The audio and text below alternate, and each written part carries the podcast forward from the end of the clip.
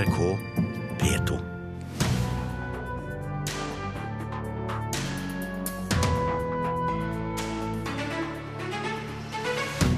Kunst og kultur i skolen begynner i nærmiljøet, viser erfaringer fra hele Norden. ABBA donerer alle inntektene fra Chiquitita til Unicef. Bjørn Ulveus forteller hvorfor. En bratsjist fikk Norges største stipend for klassisk musikk i år. Han kommer til Kulturnytt, hvor vi også møter kirkemusikkens grand old man, Leif Solberg, som fyller 100 år i dag. Her i Kulturnytt i Nyhetsmorgen med Ugo Fermariello. Det skal altså handle om skolen først. Nærmiljøet er en av de viktigste ressursene for kunst og kultur i skolen. Det sier lederen for eh, det nasjonale senteret for kunst og kultur i opplæringen. I Bodø samles eksperter fra hele Norden for å dele erfaringer i hvordan kvaliteten i kulturfagene kan bli bedre. Og disse barna her viser vei. Hvor er vi henne nå? Eh, Vi er i bukken Bruseskogen. Og nå står du oppe på Brua. Hva er det som ligger under brua? Trollet. Bare kom. I Tusseladden barnehage i Bodø har ungene laga sin egen Bukkene Bruseskog. Her får de leve ut sine egne fantasier uten å bli forstyrra av de voksne. I dag skal Eventyrskogen presenteres for 250 deltakere på en stor nordisk konferanse i Bodø, der temaet er hvordan man kan utvikle og styrke kvaliteten for kunst- og kulturfagene i opplæringa. Og det man eh, helt konkret har gjort, det er jo å bruke nærmiljøet. Hva finnes av kompetanse i nærmiljøet innenfor kunst og kultur i Bodø? Barnehagene har gått inn i et tett samarbeid med Kulturskolen, med Nordland museum, med eh, Kreativ gjenbrukssenter. Og eh, skolene har også kobla seg til ulike eh, kunstnere og institusjoner som har eh, vært inne og, vært med i samarbeid med lærere og styrka denne opplæringa. Det sier Kirsti Saksi, som er leder av Nasjonalt senter for kunst og kultur i opplæringa, og som arrangerer den store konferansen sammen med Bodø kommune, Nordland fylkeskommune og Universitetet i Nordland. Astrid Arnøy, som er leder av Den kulturelle skolesekken i Nordland, understreker betydninga av at barn tas med inn i de voksnes arbeid, og ikke minst at det nasjonale senteret fortsatt skal være i Bodø. Dagens konferanse, nordiske konferanse er et godt eksempel på at et nasjonalt senter eh, for kunst og kultur behøves, og at det har en, eh, en funksjon. F.eks. fra Finland så kommer det en, eh, en dame som kommer fra Arki, som er et arkitektursenter som driver undervisning i arkitektur for barn fra fire år og hele veien opp.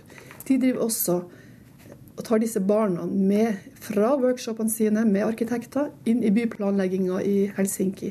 Slike ting kan vi lære ut av, enten vi bor i Bodø eller Oslo eller eh, hvor som helst i verden. Og erfaringene fra Tusseladden barnehage i Bodø er såpass gode at styrer ved barnehagen, Elisabeth Rindal, vil anbefale en eventyrskog til alle andre barnehager i hele Norden. Ungene har faktisk begynt å bruke andre begreper om det å fortelle historier. Eller Før så var det å fortelle eventyr, mens nå så bruker de fortellinger, og de bruker ord som historier. Som da, si, det som vi har da snakka om, har gjenspeilet seg til ungene. Og det er kjempeartig å se.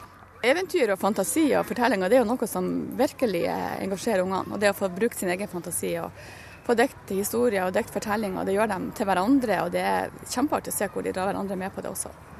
Det er helt supert. Særlig på de største ungene merker vi jo det. Det er bra.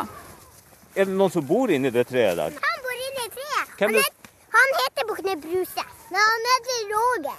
Han heter Bukne Bruse Roger. Og han bor inni treet? Ja. Har dere andre som bor inni trærne her? Ja, da er Er det fint å være i skogen her? Hvor- Hvorfor er det fint å være her? Fordi Det er stille og rolig. Og vi kan leke her. Og så kan vi leke med trærne. Sa noen av barna i Tusseladden barnehage i Bodø til vår reporter Bjørn Tore Pedersen i forkant av konferansen om kunst og kultur i opplæringen. Det ser ikke ut til at Kristelig Folkeparti og Venstre får gjennomslag for krav om nullmoms på digitale medier. Det bekrefter flere kilder med kjennskap til regjeringsforhandlingene overfor Klassekampen i dag.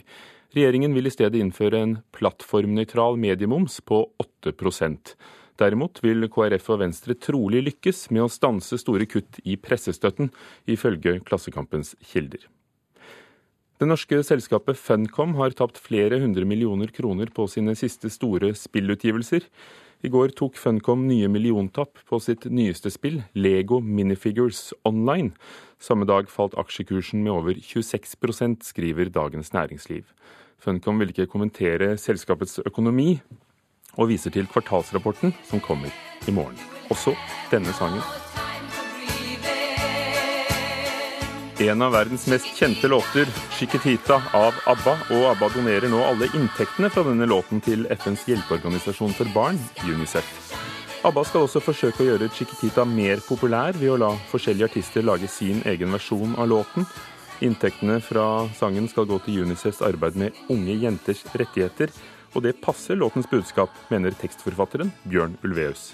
Uh, jeg vet ikke hvems idé det var riktig, men det, det har vokst fram. Jeg tror at det lite grann kan ha kommet av at det just er den låten som råkade bli den som vi gav til Unicef. Chiquitita, lilla flicka og noen som trøster en mye, mye ledsen flicka. Det ser jeg som liksom uh, Og vil gi henne håp. Det ser jeg som at det er Unicef og vi andre som vil hjelpe og gi håp åt de flickorna som så väl behöver det. Hur har Chiquitita-låtens betydelse förändrats för dig sedan 79 eh, fram till nu? Ja, alltså det som jag sa sist är vad den betyder för mig nu. Men när jag skrev den, jag kan ju inte vara helt säker, men jag tror att det handlade nog om att hon hade blivit sviken av någon som hon var väldigt förtjust i. Och att hennes bästa vän försöker trösta henne och säga att nej men det, det, det, titta solen skiner fortfarande, du, du kommer att dansa igen. Och sen så på, på något fantastiskt sätt så funkar det i överförd bemärkelse just nu mm. i det här ändamålet. Det är ju helt fantastiskt. Fortalte Bjørn Ulveus til Sveriges Radios reporter Rebekka Jung, og deler av inntektene fra låten har gått til UNICEF siden 1979, men nå skal altså alle inntektene gå til organisasjonen. Vi er virkelig i slagerhumør i Kulturnytt i dag. Dette handler om 74 år gamle Giorgio Moroder, som nå kommer med sitt første album siden 80-tallet. På albumet, som nå kommer neste år, samarbeider han bl.a. med Britney Spears og Kylie Minogue. Moroder er en av pionerene innen synthesizer-musikk, og står altså bak flere av de største diskohitene på 80-tallet, og noen av dem hørte vi her.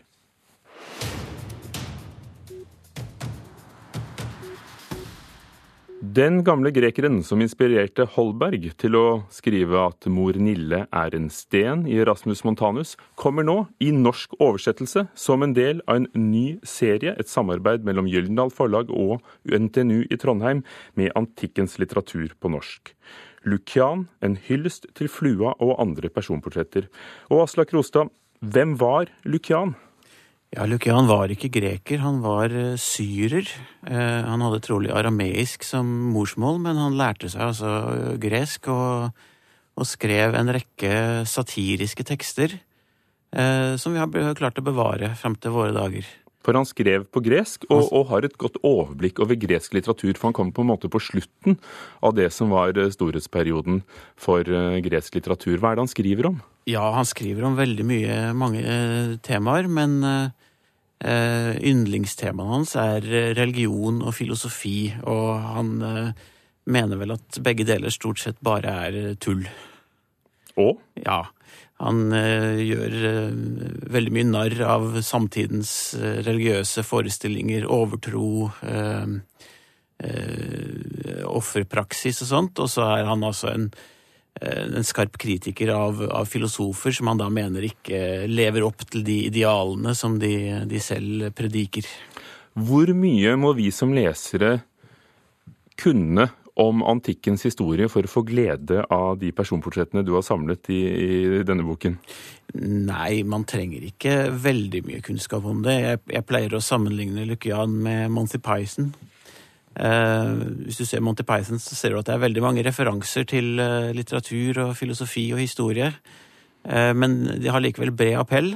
Og det samme kan du si om Lukian. Han, har, han er morsom, selv om du ikke har noe sånn veldig god innsikt i, i, i antikkens litteratur. NTNU øh, samarbeider da med Gyllendal Forlag om serien Kanon. Dette er den fjerde utgivelsen i serien. Det begynte i, i våres. Hvor antikkens litteratur skal komme først i bok, og så er planen at etter hvert kan dette også ligge tilgjengelig øh, elektronisk. Hva har de gamle grekere og romere og asyrere å fortelle oss i dag? Eh, nei, altså, eh, dette er jo, dette er jo tekster som, som, er en helt sentral del av vår kulturarv, rett og slett. Eh, de, de er med oss, og du nevnte jo dette med, med, med Holberg og, og Mo Lille er en sten. Dette er jo noe som nordmenn har, de fleste nordmenn har vært gjennom på skolen. Så det viser jo at antikken er på en måte med oss til enhver tid. Hva var forholdet mellom Holberg og, og Lukian?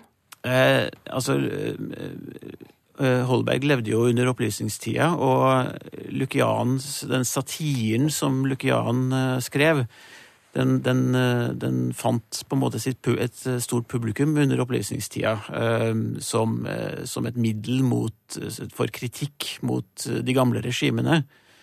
Og, og, og, Holberg var jo en del av dette miljøet. Så for ham så ble på en måte Eh, den litterære formen som Eller den del av de litterære formene som Lykian uh, skapte, de ble på en måte et middel til å, å framsette satire uh, og, og, og, samfunnskritikk. Men hva skjedde etter opplysningstiden? Ble, ble, ble Lukian og hans like litt glemt? Ja, Lukian kom litt i bakleksa under romantikken. Romantikerne var ikke noe spesielt opptatt av satire. Da skulle det være ekte og inderlig. Uh, og i tillegg så, så, var han jo heller ikke ordentlig greker. Han var liksom en litt sånn uh, outsider. Uh, så, så han, ble, han, ble, litt sånn uglesett, både av, av forfattere og innen, innen, den klassiske filologien. Så han er litt glemt, dessverre, men det er ganske ufortjent, for han er absolutt lesverdig.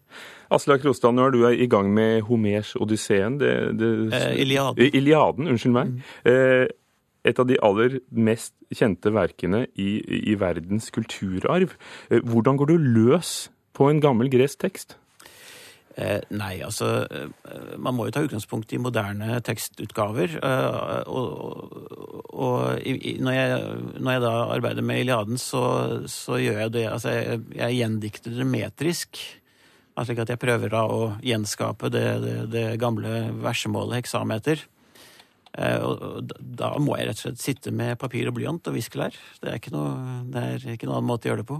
Lar det seg alltid eh, gjøre å, å finne eh, et uttrykk og ord som gir oss et riktig bilde av, av hva de prøvde å fortelle oss? Eh, kanskje ikke alltid. Ofte så må man ty til omskrivninger. men i slike tilfeller så, vi også, så utstyrer vi også disse utgavene som kommer i kanoen med fotnoter så vi kan kommentere. Eh, kommentere der vi eventuelt må bryte litt med, med originalteksten. Jeg har hørt at det minner om rapp, versemålet deres. Eh, du kan si det på, på, på, på, heksameter. Altså hvis jeg skal ta første linje av, av eh, Hesiod, som jeg har gjendiktet, da, så vil det lyde La oss begynne vår sang med å omtale Helikons muser. Eh, slik vil en heksameterlinje lyde. Takk skal du ha, Aslak Rostad. Vi slutter med begynnelsen av Hesiod, og nå har du altså oversatt Lukian til norsk. Klokken er allerede blitt nesten 18 minutter over åtte. Du hører på Nyhetsmorgen i NRK. Minst fire israelere er drept inne i en synagoge i Jerusalem. To menn gikk til angrep med kniver og økser, ifølge en israelsk radiostasjon. Pasienter med psykiske lidelser som ruser seg, blir skrevet ut fra sykehus og institusjoner for raskt, sier syv av ti kommuner. I Missouri i USA er det innført unntakstilstand fordi myndighetene er redde for nye opptøyer etter drapet på en tenåring i august. Og jazztrioen Jøkleba er tilbake med en ny plate, som vi hører fra og anmelder senere i Kulturnytt. I dag fyller en av norsk kirkemusikks grand old men 100 år. Organist og komponist Leif Solberg. Han nådde knapt ned til pedalene da han debuterte som organist som tolvåring. Hundreårsdagen kommer også litt bardust på jubilanten. Litt overraskende. Jeg hadde ikke tenkt så langt. Og nå er du den eldst levende komponisten vår. Ja, ja, kanskje det. Ja, ja. Jeg får finne meg i dem. Han er kjent for sine gode replikker, Hundreåringen Leif Solberg, som ellers karakteriseres med et typisk totensk sinnelag. Kommentaren kommer fra kona Reidun, ungjenta fra Kapp Blandakor, som ble hans livs kjærlighet. Det var du som stakk av med den kjekke dirigenten. Å ja. Det, det var jeg litt stolt av, det, vet du. Jeg treffer dem i det hvite lille huset deres i et villastrøk på Lillehammer. Like i nærheten ligger Lillehammer kirke. Leifs arbeidsplass et helt yrkesliv. Her fikk han jobben som organist allerede som 24-åring. Hei, Tim. Tim Collins, dagens organist, titter fram blant orgelpipene. Altså her er det jeg tenkte å åpne konserten med. Han øver på orgelverkene til jubilanten. Mange store orgelverk. Så for oss organister det er jo Solbergs musikk er vel, veldig viktig og verdt å, verdt å spille. Men musikken hans er blitt spilt for lite, mener Collins. Det er jo litt Han er totning og beskjeden med det. og Det er ikke det man skal liksom fram og gjøre seg kjent som komponist. Da, da nytter det ikke å være beskjeden. Solberg ble så å si født inn i musikken, med en militærmusiker og travel kirkeorganist som far. Han hadde sju kirker å passe på. Og allerede som tolvåring måtte Leif ta hele ansvaret som organist under gudstjenesten da faren ble sjuk. Det måtte jeg hjelpe til. Det var debuten. Så ble det orgeltimer hos Arild Sandvold i Oslo, studier og organisteksamen som 19-åring. Da var han allerede i gang med å komponere, og utover 40- og 50-tallet ble det flere store orgelverk og en symfoni. Men så krevde kirkearbeidet så mye at komponeringa tok slutt. Jeg husker den gjennomgangen av elever inn, inn og ut av huset her. Det var i ett kjør. Jeg fikk jo ikke gjort lekser. Det var Hestetramperen og alle disse der klassiske stykkene opp att og ned i mente. Forteller eldstedatter Liv. Du hadde mange hundre elever. Jeg måtte jo ha såpass at jeg kunne leve av det. Ja da. Men det, det hemmet meg jo, selvsagt. Jeg fikk ikke tid til noen komponeringer. Veldig trist, for jeg, jeg tror det potensialet var der. Han kunne skrevet mye, mye mer. Jeg tror vi hadde gått, gått glipp av veldig mye. Sånn kan det være. Beskjedenhet forsvinner ikke med alderen. Det betyr ikke noe likevel. En litt vrien ventil hindrer ikke at jubilant Solberg skal feires i Lillehammer denne uka. Men det viktigste for Collins er en ny CD-utgivelse med musikken hans. Det er ikke sikkert det vi gjør nå på Lillehammer blir veldig lagt merke til. eh, Men eh, CD-utgivelse i London håper jeg vil føre til at eh, også andre ute i Europa begynner, begynner å høre på Leif Solberg. Jeg håper det blir bra.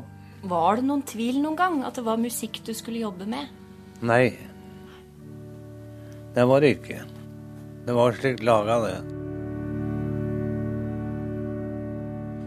Leif Solberg, 100 år i dag, reporter Torunn Myhre. Det største stipendet innen klassisk musikk i Norge ble delt ut i går. Statoils talentstipend på 1 million kroner for unge musikktalenter gikk til Eivind Holsmark Ringstad, bratsjist. En av dem vi hører spille Brahms i bakgrunnen her. God morgen og gratulerer. Tusen takk. Du har vært nominert flere ganger. I fjor så satt du her og mange lurte på om du kom til å, få det, og nå har du fått det. Hva skal du med stipendet? Vel, jeg har tre ønsker eh, til hva jeg ønsker å bruke pengene på. Og jeg har lyst til å kjøpe et instrument, jeg har lyst til å ta noen studier i Tyskland, og jeg har lyst til å kanskje lage en CD. Har du sett ut et spesielt instrument? Um, jeg har noen eh, ideer, men eh, jeg har selvfølgelig ikke bestemt meg helt ennå. Hva koster en god bratsj for tiden? Det kan være alt fra en million til 200 000. Så, og til og med enda mer, f.eks. Det kan gå over en million også. Eh, Du får velge et så dette rekker til mer. Eh, Når du er 20 år gammel som du er nå, og har holdt på siden du var fem år gammel med, med instrumentet, hvor vil du hen? Hva, hva er det du tenker at er det neste du må mestre? Vel, jeg tar en bachelorgrad, så mine planer akkurat nå er jo å fullføre de. Og så har jeg selvfølgelig lyst til å leve av musikken, så jeg ønsker da å eh, prøve å nå et profesjonelt eh, Å bli en profesjonell musiker. Og det er da målet mitt. For noen år siden så ble du den første nordmannen som vant eh, førsteprisen i eh, Kringkastingsunionens EBUs solistkonkurranse i Wien, og nå Statoil-stipendet. Hva betyr denne typen utmerkelser og hendelser? Vel, det har jo betydd veldig mye for karrieren min. Jeg har på en måte ikke forventet å vinne de konkurransene i det hele tatt, så det var et veldig stort sjokk for meg. Um, men det har jo også betydd mye for min spilling. Det at jeg har fått gjort flere konserter og arrangementer, har gjort at jeg har utviklet meg fortere. Det er jo det med klassisk musikk, at musikken finnes der, og så er det dere musikere som tolker den. Hva er det du vil gjøre med musikken? Hva er det du vil gjøre, bringe av deg selv til musikken? Vel, når man er musiker, så vil man jo selvfølgelig først og fremst øh, øh, prøve å gi det komponisten ønsket. Men så vil man jo også ha sitt personlige preg da, i, øh, i komposisjonene. Så det er litt sånn opp og ned hvordan man gjør det. Det er faktisk en veldig lang prosess som tar veldig mange timer øving og tolkning. Så når jeg uh, tolker da et stykke, så prøver jeg å finne på en måte hvordan jeg klarer å føle musikken inni meg for å få den best mulig ut til publikum. Takk skal du ha. Eivind Holsmark Ringstad, bratsjist, som fikk eh, Statoils eh, talentstipend på 1 million kroner i går. Og nå jazz. Den eh, sagnomsuste jazztrioen Jøkleba er ute med sin femte plate. Denne gangen forsøker de seg på noe helt nytt.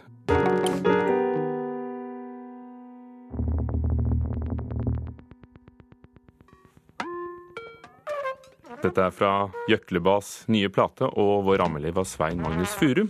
Og Kulturnytt var ved Hanne Lunås, Espen Alnes og Ugo Fermariello i studio.